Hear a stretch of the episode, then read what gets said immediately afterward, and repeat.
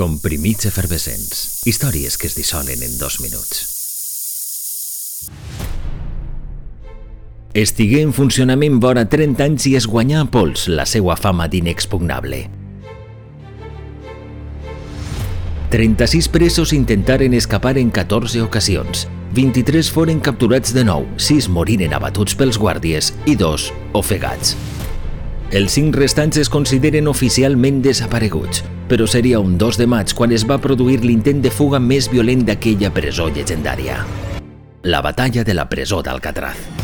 Un grup de sis presos elaboraria un pla per a escapar del centre penitenciari, però el seu propòsit no els eixiria com esperaven. Sense entrar massa en detalls, la seva intenció era aconseguir una bona quantitat d'hostatges entre els guàrdies i usar-los d'escut humà per eixir de l'illa. Una clau que no estava on pensaven i on oficialment havia d'estar els desbaratar la confabulació.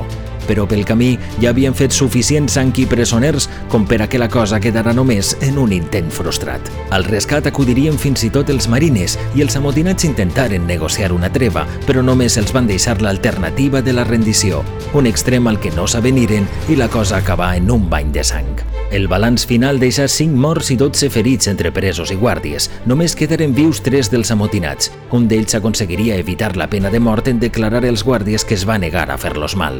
Els altres dos foren executats en la cambra de gas dos anys i mig després d'aquell cruent intent de fuga del 2 de maig de 1946.